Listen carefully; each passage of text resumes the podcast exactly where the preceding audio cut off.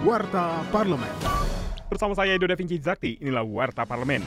Wakil Ketua Komisi 3 DPR RI Adis Kadir mengungkapkan rancangan undang-undang tentang Kitab Undang-Undang Hukum Pidana atau RKUHP masih akan didiskusikan bersama Kemenkumham yang berfokus terhadap 14 isu krusial.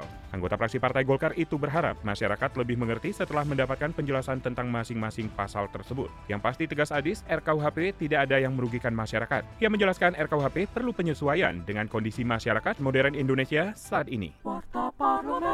Dalam rapat dengar pendapat dengan Dirut PT Pertamina, anggota Komisi 6 DPR RI M. Nasim Khan mempertanyakan tujuan Pertasop Pertamina di wilayah pedalaman yang hanya menjual Pertamax, padahal masyarakat lebih membutuhkan BBM subsidi seperti Pertalite. Pertasop Bu, kenapa harus dengan Pertamax yang harus ada? Kenapa Pertalite tidak? Sedangkan Pertasop ini di daerah-daerah pedalaman banyak masukan aspirasi ke kita.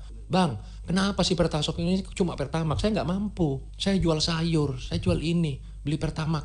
Lah, di mana rasa cita-cita kita dengan adanya Pertasop ini untuk mengembangkan ekonomi kemasyarakatan, keumatan, kesejahteraan ini di mana gitu loh. Nah ini tolong Pak Alfian dijelaskan kenapa tidak disediakan di situ juga subsidi dan Pertalite.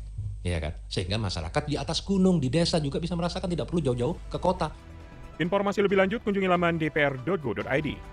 Komisi 10 DPR RI menerima aspirasi dari perwakilan guru lulusan Passing Grade P3K atau GLPG 3K yang mengungkapkan masih banyak permasalahan terkait pengangkatan guru honorer. Hal itu disampaikan Wakil Ketua Komisi 10 DPR RI Abdul Fikri Faki saat menerima delegasi GLPG 3K di Komplek Parlemen Senayan, Jakarta.